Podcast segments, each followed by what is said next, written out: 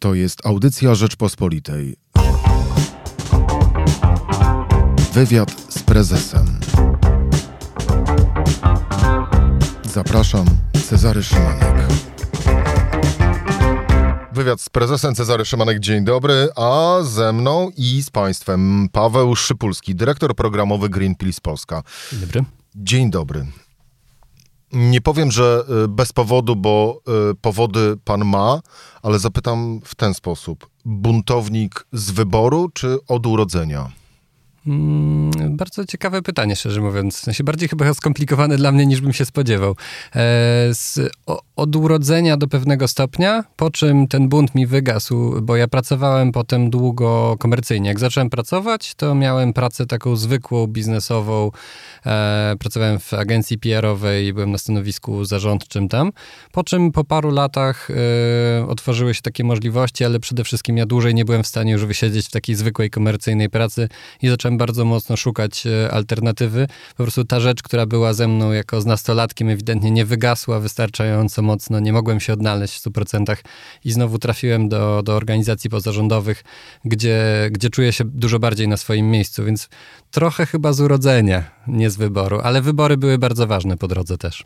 Eee, nie bez powodu powiedziałem na samym początku, bo ten powód to o, oczywiście klimat. Mhm, tak, no to jest, to jest fundamentalny powód teraz, żeby w ogóle rozmawiać i żeby działać. Jesteśmy w chwili zupełnie przełomowej z perspektywy historycznej. Nie, w, nie jeżeli pomyślimy perspektywą dnia, tygodnia, miesiąca czy nawet roku, ale w perspektywie dekady y, to jest fundamentalny, kluczowy czas, którym, z którym musimy się zmierzyć. I tu postawimy kropkę, bo mhm. do tego tematu za chwilę wrócimy. E, tak było od samego początku w głowie, czy te, to to też był proces dochodzenia do takiego poglądu, jaki ma pan dzisiaj? Mhm. E, to jest tak, ja zacząłem się zajmować tymi rzeczami, którymi się zajmuję. Pracuję w Greenpeace, zajmuję się kwestiami przede wszystkim klimatycznymi. To jest takie moje naturalne pochodzenie e, intelektualne. Zajmuję się nimi dlatego, że ja jestem bardzo przejęty prawami człowieka. A kwestie klimatyczne. to znaczy bardzo przejęty? To znaczy, że mam jakoś tak, że mam jakąś nadmierną wrażliwość na cierpienie ludzi, którzy są daleko. W sensie z jakiegoś powodu potrafię odnaleźć w sobie jakiś rodzaj współczucia do, do, do, do ludzi, którzy giną chociażby na Morzu Śródziemnym, próbując się na tratwach przedostać do Europy. E, ludzi, którzy e, tkwią w obozach dla uchodźców, ludzi, którzy na skutek tego, że w jakimś miejscu, które nie jest naszym krajem. To jest tylko uczucie, czy susza, przejawia się w jakiś praktyczny sposób? To jest e, emocja, która przejawia się w bardzo bardzo praktyczny sposób, w taki sposób, że robię to, co robię. W sensie, że ta emocja mi pomaga robić to, co, to, co, to, co robię.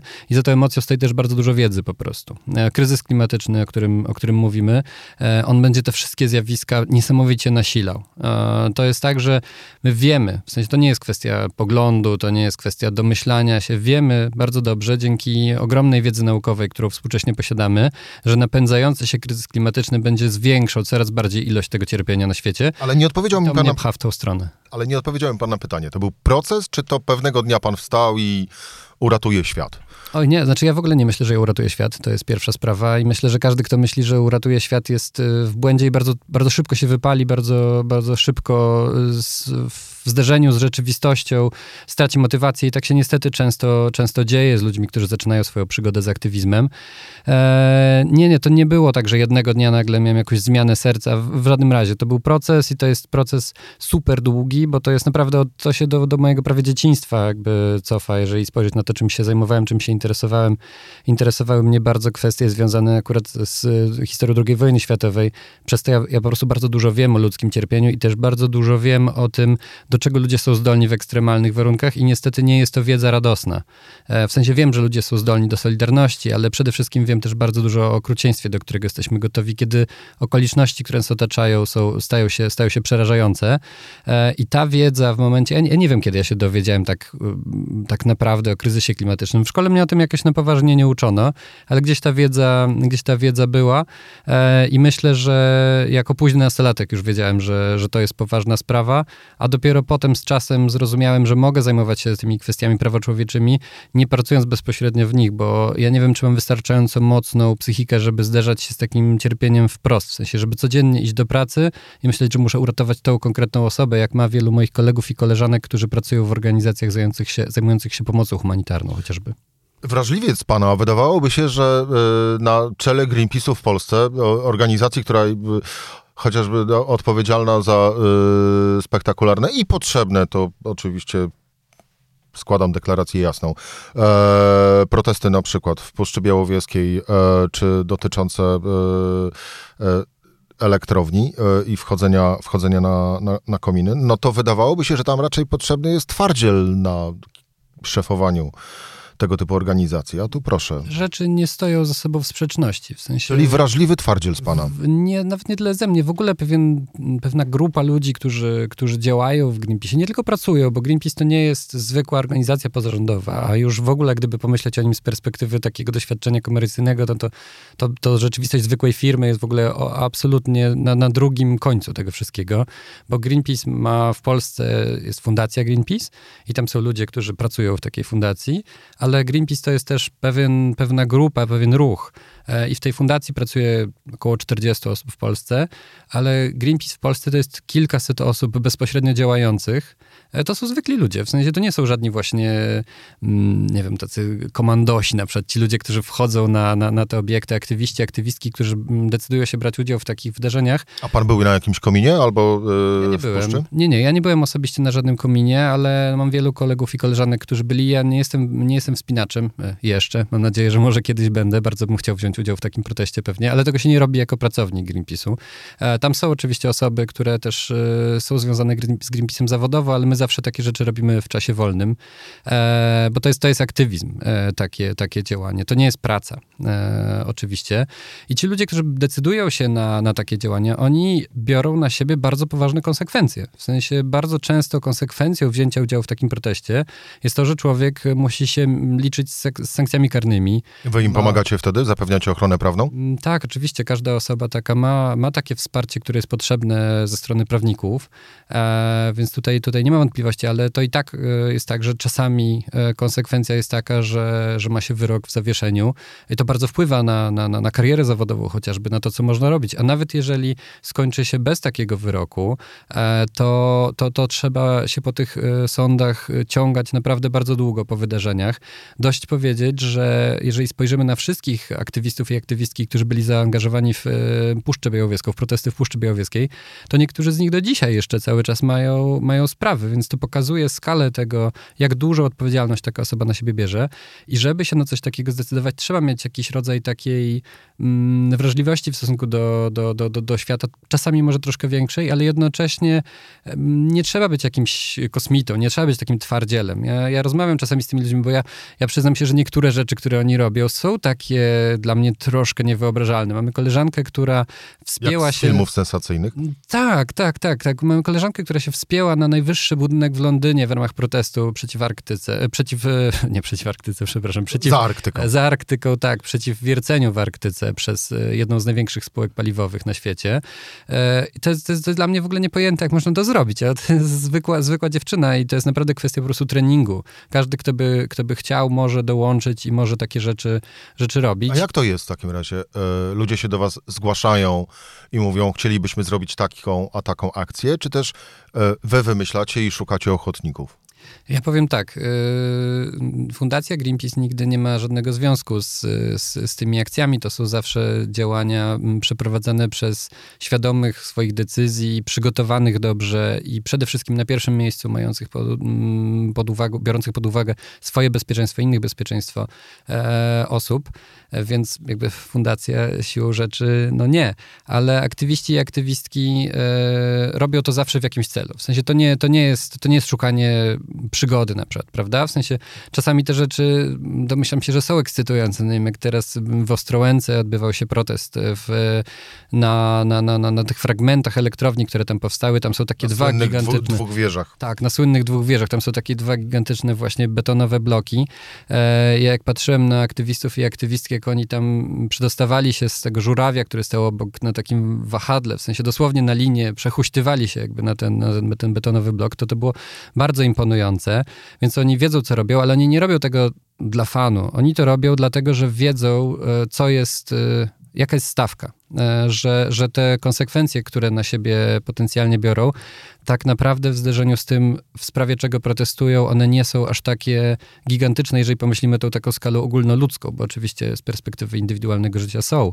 To są ludzie, którzy naprawdę rozumieją, że kryzys klimatyczny to jest coś, co może wywrócić cały świat, jaki znamy teraz i dlatego decydują się na takie działania. To zejdźmy z tych kominów e, na ziemię do takiego czysto biznesowego podejścia. E, z czego wy się utrzymujecie tak naprawdę? Y, to jest też w ogóle ciekawe i, i dosyć wyjątkowe w y, Greenpeace'ie, y, jeżeli chodzi o ogólnie organizacje pozarządowe, nie tylko organizacje pozarządowe w Polsce, ponieważ Greenpeace, żeby robić to, co robi, E, my oczywiście mamy tak, że mamy aktywistów, którzy biorą udział w akcjach, jako ten szeroko rozumiany Greenpeace, nie tylko fundacja, ale fundacja też prowadzi bardzo dużo takiej po prostu ciężkiej pracy prawnej. Na przykład my bardzo dużo czasu spędzamy w sądzie, procesując się z różnymi trucicielami. E, siłą rzeczy na takie coś trzeba mieć pieniądze oczywiście. E, I te pieniądze w naszym przypadku pochodzą od indywidualnych darczyńców i darczynek w zdecydowanej większości. To jest tak, że Greenpeace z zasady nie przyjmuje pieniędzy od żadnych korporacji, korporacji, od żadnych firm prywatnych, nie przyjmuje pieniędzy od żadnych rządów, ani instytucji ponadnarodowych, takich jak na przykład Unia Europejska. Bo dzięki temu mamy możliwość w dowolnym momencie, wtedy kiedy uważamy, że ktoś robić coś źle, powiedzieć, wskazać na niego palcem, to co robisz jest katastrofalne dla planety. I tak się dzieje. Greenpeace jest krytyczny i wobec e, Komisji Europejskiej, i wobec różnych unijnych instytucji, i wobec rządów w krajach, w których działa, i wobec przeróżnych firm, które są właśnie takimi gigantycznymi trucicielami, co oznacza, że za nami stoją w Polsce, to są dziesiątki tysięcy e, pojedynczych osób, E, które wpłacają nam e, małe kwoty pieniężne w większości. Znaczy są też tacy darczyńcy, którzy wpłacają znacznie większe, natomiast większość z tych osób to są naprawdę małe, małe kwoty po prostu co miesiąc nam e, przekazywane. Podobnie jest w innych, w innych krajach.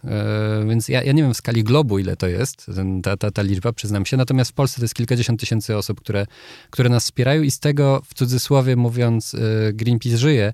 I to jest też pewne zobowiązanie, które Greenpeace ma na sobie, bo dbałość o pieniądze, którą my przez to mamy, to jest y, super interesujące doświadczenie. Jak się obraca pieniędzmi swojego klienta, to oczywiście robi się to odpowiedzialnie w takim biznesowym sensie, ale jak się obraca pieniędzmi darczyńców, to jest też u nas, to jest taka trochę mantra, jak my, jak my w biurze się zastanawiamy, czy możemy coś zrobić, czy nie, czy to będą dobrze wydane pieniądze naszych darczyńców.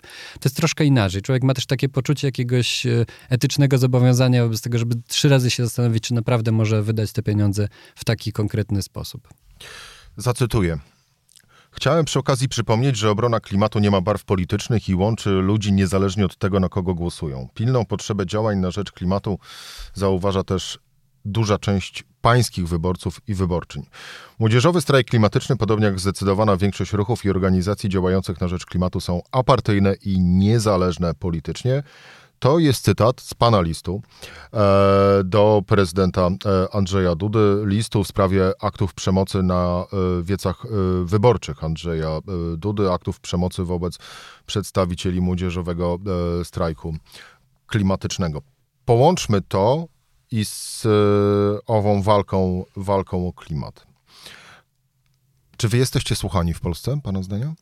E, tak, dużo bardziej niż można byłoby się spodziewać, tylko trzeba rozumieć, jak wygląda ta rozmowa e, i jak, ona wyglądała, wyglądała na przestrzeni lat, bo to jest też tak, że bardzo widać, jak niestety, bo, bo to się zmieniło w dużym stopniu na gorsze na przestrzeni ostatniej dekady. My, y, jak rozmawiamy z decydentami, to rozmawiamy z nimi na różny sposób. To znaczy, rozmawiamy z nimi dosłownie, na korytarzach sejmowych, na spotkaniach i tak dalej, przedstawiając raporty, przedstawiając analizy, pokazując dokładnie dane, na podstawie których których mówimy, mm, co się dzieje, jakie mogłyby być rozwiązania, chociażby dla kryzysu klimatycznego, to jest jedna metoda. E, I, I tu mogę powiedzieć, że mam wrażenie, że na przestrzeni lat niestety jesteśmy, nie tylko my zresztą, coraz mniej słuchani. Mm, my, ale i te... Niezależnie od opcji politycznej? Trochę tak, niestety. Y, jest, to zawsze zależy, kto jest w opozycji. Ten, kto jest w opozycji ma więcej czasu, więc więcej słucha. W sensie, jak Prawo i Sprawiedliwość było w opozycji, to, to, to, to, to słuchało dużo bardziej i to wręcz do tego stopnia, że Na przykład pan minister Ardanowski był taką osobą, z którą zdecydowanie można było prowadzić bardzo konstruktywny dialog, a w tym momencie zajmuje jakieś pozycje zupełnie, zupełnie absurdalne momentami w takim zabetonowaniu się, nawet językowym, e, nazywaniu organizacji ekologicznych i aktywistów e, no, w taki obelżywy sposób i tak dalej. To jest ta sama osoba, która dosłownie kilka lat temu była otwarta na bardzo sensowny dialog. Mówią, że władza zmienia. Bardzo, bardzo zmienia. Natomiast y, ten dialog, który można w Polsce prowadzić z światem polityki, światem decydentów, on ma też ten wymiar jakby publiczny. E, Greenpeace jest organizacją, tak jak zresztą Młodzieżowy Strajk Klimatyczny, który jest ruchem, nie organizacją, to jest ważna różnica między nami, ale my jedni i drudzy działamy w przestrzeni publicznej. Działamy tak, żeby ten głos, e, to co nam chodzi, było, było usłyszane naprawdę głośno i w tym sensie jesteśmy słuchani z całą pewnością. E, najlepszym przykładem tego jest kampania, którą prowadzimy od jakiegoś czasu na rzecz ustanowienia w Polsce daty odejścia od węgla. Tak jak to się wydarzyło już w kilku krajach, w większości krajów europejskich. Tak Myśli tak pan, że pan dożyje? Mm, jestem pewny, że dożyję, natomiast ja dożyłem już pierwszej rzeczy. Zanim zaczęliśmy, a zaczęliśmy otwarcie prosić o taką datę, domagać się takiej daty e, przed szczytem klimatycznym w Katowicach, czyli w listopadzie 2018 roku. Wtedy żadna istotna partia polityczna nie deklarowała daty odejścia od węgla. Teraz praktycznie nie ma ani no, jednej, która Mało to... tego, prezydent Andrzej Duda wtedy jasno stwierdził. No, lat. Tak. Skoro mamy węgiel, to będziemy go wydobywać tak. i będziemy go palić. A teraz prezydent Duda, y, nawet prezydent Duda, który mówił takie rzeczy wcześniej, mówił, że y, jeśli dobrze pamiętam, szlak go trafia, jak wygląda za okno i widzi, że płacimy za globalne ocieplenie, a tam śnieg, coś w tym stylu. E, prezydent Duda teraz y, dla odmiany ogłasza ekokartę, mówi o tym, że będziemy e, chronić nasz polski klimat, więc oczywiście ta praca edukacyjna jeszcze jest do zrobienia. Musimy przekazać panu no, pan prezydentowi, że, że, Wiem, że to kampania, ale to pokazuje, bo to nie jest tak, że polityków nie należy słuchać w ten sposób. My nie słuchamy polityków w ten sposób, że obietnica to jest to, co zostanie zrobione. To jest, to jest raczej tak, że trzeba umieć słyszeć ten taki długi głos, który się od, w tle wydarza. I e, fakt, że nawet pan prezydent Duda, który przyjmował bardzo takie mm, zachowawcze, nazwijmy to delikatnie, stanowisko w kwestii zmian klimatycznych, e, już zaczyna mówić o konieczności ochrony klimatu, zaczyna mówić o konieczności inwestowania w odnawialne źródła energii. E, to jest miarą pewnej, pewnej zmiany, która następuje. Ludzie ludzie z jego partii mówią o tym, że będziemy odchodzić od węgla. Nie mówią może tego publicznie, ale też patrząc po czynach, widzimy też konkretne, realne zmiany, które się zaczynają, zaczynają wydarzać. I ja jestem, e, zapytał pan, czy ja dożyję odejścia od węgla w Polsce. Ja e, dożyję, w ogóle nie będę taki stary, bo w Polsce mm, cichy, taki, ciche wygaszanie energetyki węglowej już następuje. Politycy tego nie chcą mówić, ale jak popatrzymy po konkretnych, realnych e, rzeczach, które się wydarzają, mamy przykładowo elektrownia w Rybniku, jedna z największych polskich elektrowni, do 2030 będzie, będzie wyłączona. PGE, y, firma, która siłą rzeczy no nie jest czempionem transformacji, prezes PGE mówi, że, że firma odejdzie publicznie mówi, że firma odejdzie od węgla do 2040-45 roku. Jeżeli coś takiego mówi publicznie, e, to każdy, kto umie słuchać, zna się na energetyce z takiej perspektywy polityki energetycznej, wie, że tak naprawdę prezes Dąbrowski spodziewa się, że to nastąpi szybciej. E, I tak, tak będzie. W sensie to jest perspektywa najbliższych kilkunastu lat, kiedy zasadnicza część naszej energetyki ulegnie, ulegnie ogromnej zmianie i my jesteśmy częścią tej powieści, nie jedyni bo jest bardzo wielu, e, wiele podmiotów, które to robią. My jesteśmy jednym z nich i zdecydowanie w tym sensie jesteśmy słuchani. Tknęliśmy e, obozu rządzącego, to jesteśmy winni e, demokratycznie e, również e, kilka chwil obozowi op opozycji. Rafał Trzaskowski, was rozumiem? Pan dobrze powiedział o tym, że jest kampania wyborcza i polityka. Ja też właśnie nie jestem naiwny y, w kwestii słyszenia tych, y, tych rzeczy, które, które słyszę.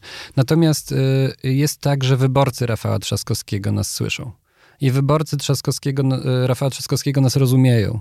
E, I to, co mówi Rafał Trzaskowski, ale nie tylko Rafał Trzaskowski, też Szymon Hołownia, e, co mówił w swojej kampanii wyborczej, jest odbiciem pewnej fundamentalnej zmiany, jaka zaszła w Polsce na przestrzeni ostatnich dosłownie kilku lat, kiedy najpierw Polki i Polacy zrozumieli, czym jest zanieczyszczenie powietrza, a potem, trochę po tym pierwszym kroku, jakim było zanieczyszczenie powietrza, w ogromnej swojej części zrozumieli, czym jest kryzys klimatyczny, jak bezpośrednio może, może zagrażać. I e, w tym cytacie, który pan przytaczał, rzeczywiście ludzie w Polsce, niezależnie od poglądów politycznych, e, chcą, żeby Polska inwestowała w odnawialne źródła energii, chociażby, i rozumieją zagrożenie kryzysem klimatycznym, a wśród niektórych grup wyborców ta część, która, która jest przejęta tą kwestią, jest naprawdę ogromna. I w tym sensie Rafał Trzaskowski musi rozumieć. To nie jest kwestia tego, czy on, czy on chce, czy jakby jak będzie wyglądał z nim dialog, jeśli zostałby prezydentem, to okaże się, jak zostanie prezydentem. Jako prezydent Warszawy e, muszę powiedzieć, że nie jest e, czempionem e, odwagi, jeżeli chodzi o, o kryzys klimatyczny. Zarówno wycinka drzew nad Wisłą dosyć głośna, ale też zabudowa niektórych obszarów, bardzo mocne, takie konserwatywne podejście do transportu samochodowego w mieście. To, że nie, nie, nie idziemy w stronę miasta, które w centrum byłoby bardziej dla pieszych i rowerzystów, E, i transportu publicznego niż samochodów. To są pewne konkretne sygnały. Fakt, że tuż po objęciu fotela prezydenta miasta e, Rafał Trzaskowski obiecał e, młodzieżowemu strajkowi klimatycznemu zrobienie panelu klimatycznego, to jest, to, że, to brzmi tak, jakby to była dyskusja przy stole. To nie jest dyskusja, to jest pewien format włączenia obywateli do, do, do, do decydowania, czyli losuje się statystycznie reprezentatywną grupę obywateli danego obszaru, obszarów, w tym przypadku Warszawy, e, daje się im dostęp do, do dobrej wiedzy na temat zmiany klimatu i pyta się ich o to, jakie polityki chcieliby zarekomendować. To jest, to jest metoda na to, żeby dać obywatelom głos. To się nie wydarzyło, dopóki młodzieżowy strajk klimatyczny nie, nie przypomniał o tym w kampanii wyborczej. No bo politykom trzeba tak naprawdę bardzo dużo e, przypominać. E, ale sprowokował mnie pan do jednego pytania. Mm, gdyby Greenpeace, jak, proszę sobie, jakby mhm. wyobraźmy to sobie. Gdyby Greenpeace był partią mhm. i Greenpeace wygrałby w wyborach parlamentarnych, no, pan by został premierem, bo bądźmy szczerzy, to premier ma większość władzy no, niż prezydent. Tak. No to w takim razie, co by pan zrobił przez pierwsze 100 dni jako premier? To... Mając większość w Sejmie jako Greenpeace. Jasne, to nie jest e, łatwe pytanie z tego względu, że my jesteśmy apartyjni z zasady, ja wiem, więc pewnych kompromisów, to... E, które trzeba w polityce partyjnej robić. Traktujemy, traktujemy to, tak, tak, to wyobrażenie rozumiem. na potrzeby. Yy... Zróbmy takie ćwiczenie po tak. prostu. Tak, tak, tak, tak, tak. Yy, to ja, ja mam dosyć, dosyć konkretną nawet odpowiedź. No to ponieważ... bardzo proszę, pierwsze 100 dni. Pierwsze 100 dni. E, pierwsze 100 dni to z całą pewnością byśmy otwarcie powiedzieli o, o pewnych rzeczach, które się dzieją z polską energetyką, które nie są otwarcie mówione. E, pierwsze 100 dni to też jest czas na uruchomienie procesów, a nie na wdrożenie bardzo wielu z nich. Więc e, pierwsza sprawa to byłaby zmiana modelu, w jakim prowadzi się dialog w Polsce z górnikami i z energetykami. Czyli co, powiedzielibyście im, że... Że to się kończy, naprawdę się kończy. Że koniec. Tak, tak, tak, tak, tak. To jest, to jest, to jest coś, co mnie w ogóle zastanawia do pewnego stopnia, dlaczego to się nie dzieje. Ja oczywiście rozumiem takie polityczne tchórzostwo, ale wiedząc, jaka jest skala społecznego poparcia dla zmiany, e, uczciwe powiedzenie, że, że przed nami jest schyłek e, ery węgla, to jest metoda na to, żeby zapewnić bezpieczniejsze przejście w inne miejsca ludziom, którzy teraz pracują w sektorze górniczym, szczególnie i energetycznym, szczególnie w tych miejscach oczywiście w sektorze energetycznym, które, które, które znikną, bo wiele z nich zostanie.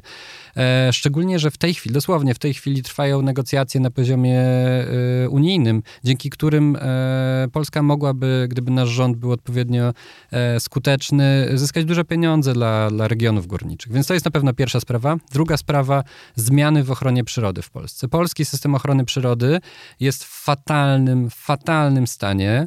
E, jest zabetonowany od lat, e, zupełnie nie przez ten rząd, tylko przez poprzednie. W Polsce nie da się utworzyć nowego parku narodowego. Mówię teraz, jak jest zgodnie z faktami, nie co mhm. mówi litera prawa, co mówi duch prawa. Nie ma takiej możliwości.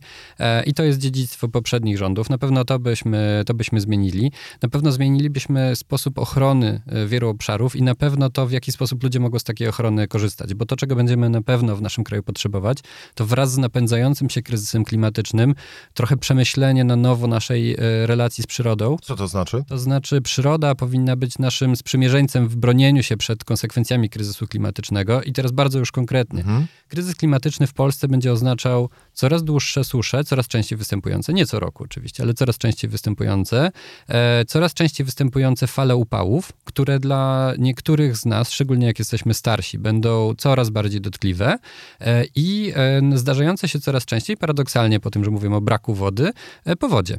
E, jeżeli byśmy oddali więcej e, naszego kraju niż teraz oddajemy e, w cudzysłowie przyrodzie, czyli dali się po prostu rzekom rozlewać, dalibyśmy lasom rosnąć, mokradłom nie być osuszanym, to one mogą stanowić taki rodzaj swoistej poduszki powietrznej, która będzie powodowała, że te powodzie będą mniejsze, susze będą mniej dotkliwe. Jeżeli w miastach byśmy dbali o to, żebyśmy mieli więcej terenów zielonych, mniej betonu, to wtedy po pierwsze te miasta były bardziej zdatne do życia, po drugie technologie mniej narażone na takie błyskawiczne powodzie, które zresztą obserwowaliśmy w ostatnich, w ostatnich tygodniach. To będzie coraz częściej, więc, więc ta, cała ta sytuacja jest na pewno do zmiany, e, ale też szereg e, zmian w polityce społecznej, które byłyby mm, z naszej perspektywy niezwykle ważne, bo ja teraz powiedziałem o takich, takich mhm. stricte ekologicznych rzeczach, ale kwestie środowiskowe to są kwestie, które daleko wychodzą poza takie techniczne kwestie. To nie jest tak, że możemy zmienić węgiel na odnawialne źródła energii, czy węgiel na atom i nagle będziemy mieli ciach i sprawa jest rozwiązana. To są, to są tak naprawdę kryzys klimatyczny, kryzys ekologiczny, to są, to są rzeczy, które mają swoje źródło w e, korzeniach społecznych. Jeżeli nie zbudujemy społeczeństwa, które będzie bardziej równe, które jednocześnie będzie miało więcej czasu na to, żeby na przykład zajmować się utrzymaniem swojego domu, a nie tylko spędzać cały czas w pracy, e, to nie będziemy mieli społeczeństwa, które będzie w stanie się zaadaptować do kryzysu klimatycznego. Co ma pan na myśli? Mam na myśli to, że na przykład rosnąca konsumpcja napędza kryzys klimatyczny. Coraz więcej produkcji e, równa się, równa się coraz więcej emisji. To znaczy, że powinniśmy pracować mniej, to znaczy, że powinniśmy zacząć otwierać się na to, że musimy zbudować przyszłość, bo jesteśmy coraz bogatszym krajem. W pewnym momencie będziemy do, dojdziemy do takiego momentu, gdzie musimy zbudować przyszłość bez na przykład y, bardzo znaczącego wzrostu gospodarczego. Będą się zdarzały takie okresy, kiedy nie będziemy mieli wzrostu i musimy przestać fetyszyzować wzrost. I tutaj zdecydowanie, gdybym miał szansę zostać premierem, Dalej to szedłbym... tak, to sobie wyobrażamy, to szedłbym e, wzorem e, premierki Nowej Zelandii, e, która zrobiła coś z mojej perspektywy, z perspektywy Greenpeace'u w Polsce fenomenalnego. Mianowicie powiedziała, że aktualny budżet e, Nowej Zelandii to nie jest jakieś akademickie dywagowanie, to jest realna polityka, która w tym momencie się, się dzieje. Aktualny budżet Nowej Zelandii nie będzie nakierowany na działania, które mają tylko e, doprowadzić do dalszego wzrostu gospodarczego. To w ogóle nie będzie priorytetem. Priorytetem jest poprawienie szeregu wskaźników społecznych, takich jak na przykład wyciągnięcie e, dzieci z ubóstwa, e, jak dbanie o dobrostan stan psychiczny obywateli Nowej Zelandii, ułatwienie dostępu do służby zdrowia odpowiedniej na przykład, bo to mogło tak zabrzmieć, to są bardzo twarde rzeczy, o których mówimy, e, czy kwestie środowiskowe. E, I to powoduje, że wszystkie e, wydatki budżetowe, które nie są takimi m, mm, trzonowymi, nazwijmy, czyli pewne koszty, które państwo ponosi po prostu, czyli te środki, które były wolne do zagospodarowania, były zawsze poddane takiej weryfikacji, czy one spełniają te, te inne kryteria. Jest bardzo dużo ciekawych, nowych e, sposobów myślenia w, w ekonomii, które daleko wychodzą poza, poza ten paradygmat, w którym my w Polsce tkwimy, takiego stałego wzrostu, stałego wzrostu napędzania e, przestrzeni tylko i wyłącznie dla przedsiębiorczości, ale przedsiębiorczości rozumianej trochę jako wartość sama w sobie. I myślę, że my też powinniśmy iść coraz bardziej w tym kierunku, który wyznacza Nowa Zelandia, czy w tym momencie również, to z takiej realnej polityki mówimy, wyznacza Amsterdam jako miasto. Bardzo ciekawa rzecz tam się wydarza. Amsterdam przygotował plan rozwoju swój, który kompletnie nie jest oparty o, o, o takie kryteria ułatwiania, e, tworzenia nowej przestrzeni dla działalności ekonomicznej tylko, tylko dla weryfikowania szeregu czynników znowu, czyli brania pod uwagę granic społecznych i środowiskowych. E, ten model Amsterdamu jest oparty na takiej koncepcji e, będzie brzmiało trochę zabawnie, ale Ekonomia Obważanka, e, stworzonej przez brytyjską ekonomistkę Kate Raworth.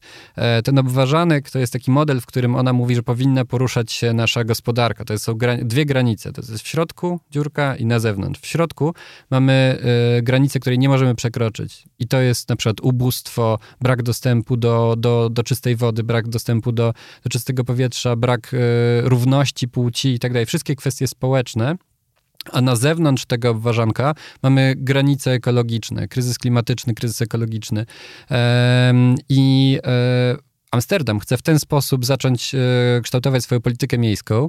Ostatnio miałem spotkanie z e, osobą z władz miasta, szalenie ciekawe, bo to są naprawdę są niezwykle praktyczne rzeczy. I ta rozmowa, która tam się toczy, to jest rozmowa, która dla pewnie wielu osób w Polsce mogła być zaskakująca, o czym się już mówi, ale my się będziemy musieli tego szybciej nauczyć niż się spodziewamy. Na przykład Amsterdam zastanawia się, w jaki sposób można będzie używać w ramach modelu gospodarki obiegu zamkniętym e, budynków, które są rozbierane w jaki jak duża część budynku może zostać ponownie przetworzona na potrzeby budowy nowego e, budynku, bo cement jest jednym, o czym w Polsce nie rozmawiamy, bo jesteśmy tak bardzo skupieni na węglu, jest jednym z największych, e, jego wytwarzanie jest jednym z największych źródeł emisji gazów cieplarnianych e, na świecie. Tych pytań jest po prostu bardzo dużo, natomiast są wzory ze świata, które można, które można stosować. Czyli Polska, którą ja bym widział, to jest Polska, która widzi, że nie zawsze wzrost PKB będzie nas czeka. To jest po pierwsze. Po drugie, nie fetyszyzuje go, tylko opiera kryteria decyzji politycznych w wielu obszarach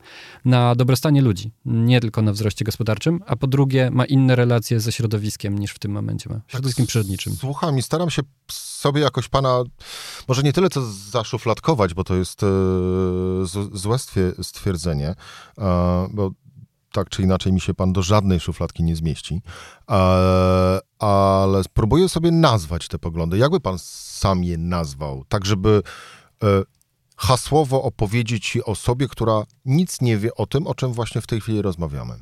Mm, gdybym miał używać istniejących szufladek, mhm. Y, to z całą, z całą odpowiedzialnością nie znajduję się w takiej szufladce, w której jest wolnorynkowy ekstremizm. E, pewien rodzaj e, też nie, nieograniczonego y, interwencjonizmu państwowego jest na pewno po mojej stronie. Mhm. Natomiast to, co mówię, nie jest na przykład, i tu jest, i to jest trudne to nie jest lewicowe stricte. W sensie te postulaty, o których mówiłem, czyli na przykład wyjście poza paradygmat wzrostu i zrozumienie rangi kwestii społecznych i, i środowiskowych i ich powiązania, to są e, postulaty, które y, podnoszą na równi środowiska konserwatywne w tym momencie, jak i środowiska lewicowe, e, tam, gdzie taka w ogóle rozmowa się toczy. Symbolicznie, jednym z największych e, propagatorów tego typu myślenia jest e, papież. No, no, papież nie jest lewicowy, więc jakby stąd, stąd jakby ja, ja, ja to mogę powiedzieć, ja, mnie nie ma nigdzie w tych starych podziałach. Ani lewica, ani prawica w tym takim starym rozumieniu, to nie jest, e, nie jest to miejsce, bo w ogóle modele y, myśli politycznej, które, które tam, i idące za tym modelem myśli ekonomicznej, które, które tam były, one są po prostu niedostosowane do naszej rzeczywistości. Gdybyśmy spojrzeli, nie wiem, na taki, taki klas, takie uproszczenie, taki klasyczny gospodarczy konflikt między Keynesem i, i Hayekiem, prawda? Hayekiem. E, obaj się mylili z jednego prostego powodu. E, jeden i drugi nie brali pod uwagę e, granic środowiskowych. Także musimy wyjść z tego sposobu myślenia. Musimy wyjść z sposobu myślenia e, prostego podziału na właśnie prawą i lewą stronę w takim klasycznym sensie. Taka starodawna lewica, z czego bardzo praktyczne konsekwencje na przykład doświadczyliśmy w Polsce, pomijając różne totalitarne tendencje, e, była niewiarygodnie antyśrodowiskowa. W sensie tam miłość do przemysłu ciężkiego, to, to, to, to jest środowiskowy no, koszmar. Klasa robotnicza gdzieś musiała pracować, tak, prawda? dokładnie, dokładnie, dokładnie. A, a dla, odmiany, yy, dla odmiany często prawicowa, niechęć do, to jest różnie oczywiście, bo są różne prawice, ale, ale taka niechęć do interwencji państwa na, na, na rynku, no ona też nie działa. I to znowu ko konkretny i ciekawy, ciekawy przykład ostatnich miesięcy, bo ta pandemia otworzyła w ogóle taką, taką ukrytą puszkę z rozwiązaniami, które sobie tam tkwiły i były takie, że a, to jest, jakby to powiedzieć, ek ekscentryczni ludzie i ich dziwne pomysły. I nagle się okazało, że państwa zaczęły wdrażać te pomysły tych ekscentrycznych ludzi. Dochód podstawowy na przykład, z którym eksperymentuje szereg krajów. Ale dla mnie jakimś takim symbolicznym momentem było, jak redakcja Financial Timesa w swoim tekście redakcyjnym, którym się podpisała cała, otwarcie powiedziała, że krytykuje cztery ostatnie dekady neoliberalizmu, że rozwiązania takie jak na przykład podatek od bogactwa czy gwarantowany dochód podstawowy będą, będą musiały być częścią tego nowego miksu e, ekonomicznego, w którym musimy się znaleźć. I oni na, nie nazwali tego. Ja, ja w tym sensie też jestem zgubiony, bo ja jestem trochę z nimi. E, w sensie to nie jest lewicowe być z Financial Timesem, ani, ani, ani nie jest też takie klasyczne. Ja na pewno nie jestem neoliberałem. O, to, to, to, to, to w tym sensie. Więc znowu, łatwiej mi jest powiedzieć, kim nie jestem, niż kim jestem. A, a łatwo będzie panu powiedzieć, e, to tak jeszcze na, na koniec owego wyobrażania premierostwa, e, łatwo będzie panu powiedzieć, czym by pan wtedy jeździł do pracy? No, bardzo bym chciał jeździć autobusem. E, ze względu na to, gdzie mieszkam i gdzie jest KPRM, to, to, to byłaby najszybsza droga w ogóle, bo mamy w Warszawie buspas na trasie Łazienkowskiej i tam bym śmigał tym buspasem, jeżeli tylko ze względu na e, kwestie bezpieczeństwa bym mógł. To to już zostawmy i na koniec. E, panie Pawle, mm, czy koniec świata, jaki znamy, już trwa? Dopiero przyjdzie? Czy i tutaj zostawiam trzy kropki. Mm, jest bardzo realne, że weszliśmy na taką ścieżkę, na której on już, y, już się rozpoczyna. W sensie, to jest tak, zmiana klimatu trwa. To nie jest tak, że ona nastąpi. E, dlatego mówimy o kryzysie klimatycznym, bo rzeczy, które się wydarzają, przekroczyły już takie granice e, tego, co było w cudzysłowie mówiąc normalne w tym czasie, kiedy ludzkość kształtowała cywilizację, jaką znamy. W tym momencie pytanie jest takie, czy konsekwencje kryzysu klimatycznego przekroczą granice, które są dla nas y, opanowywalne. Na pewno będą ofiary, już to wiemy, że, że, że wiele rzeczy się, się stanie. Będą ofiary również w Polsce. To nie jest tak, że to będzie się wydarzało gdzieś, gdzieś daleko od nas. To się dzieje również tutaj, w Europie, tutaj w Polsce już teraz.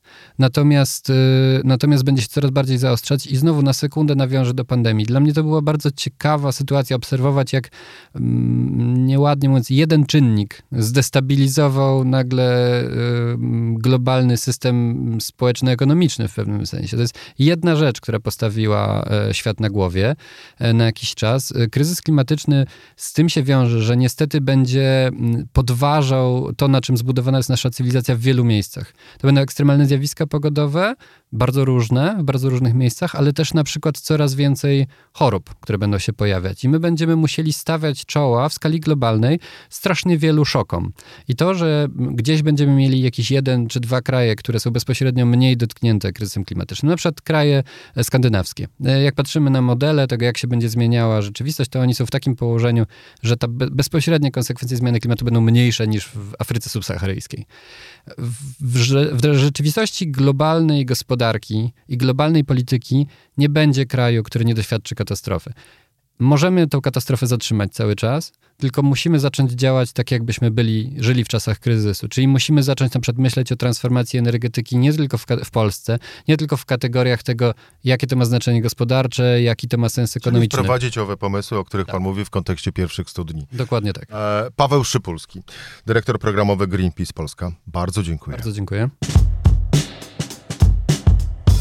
To była audycja Rzeczpospolitej. Wywiad z prezesem.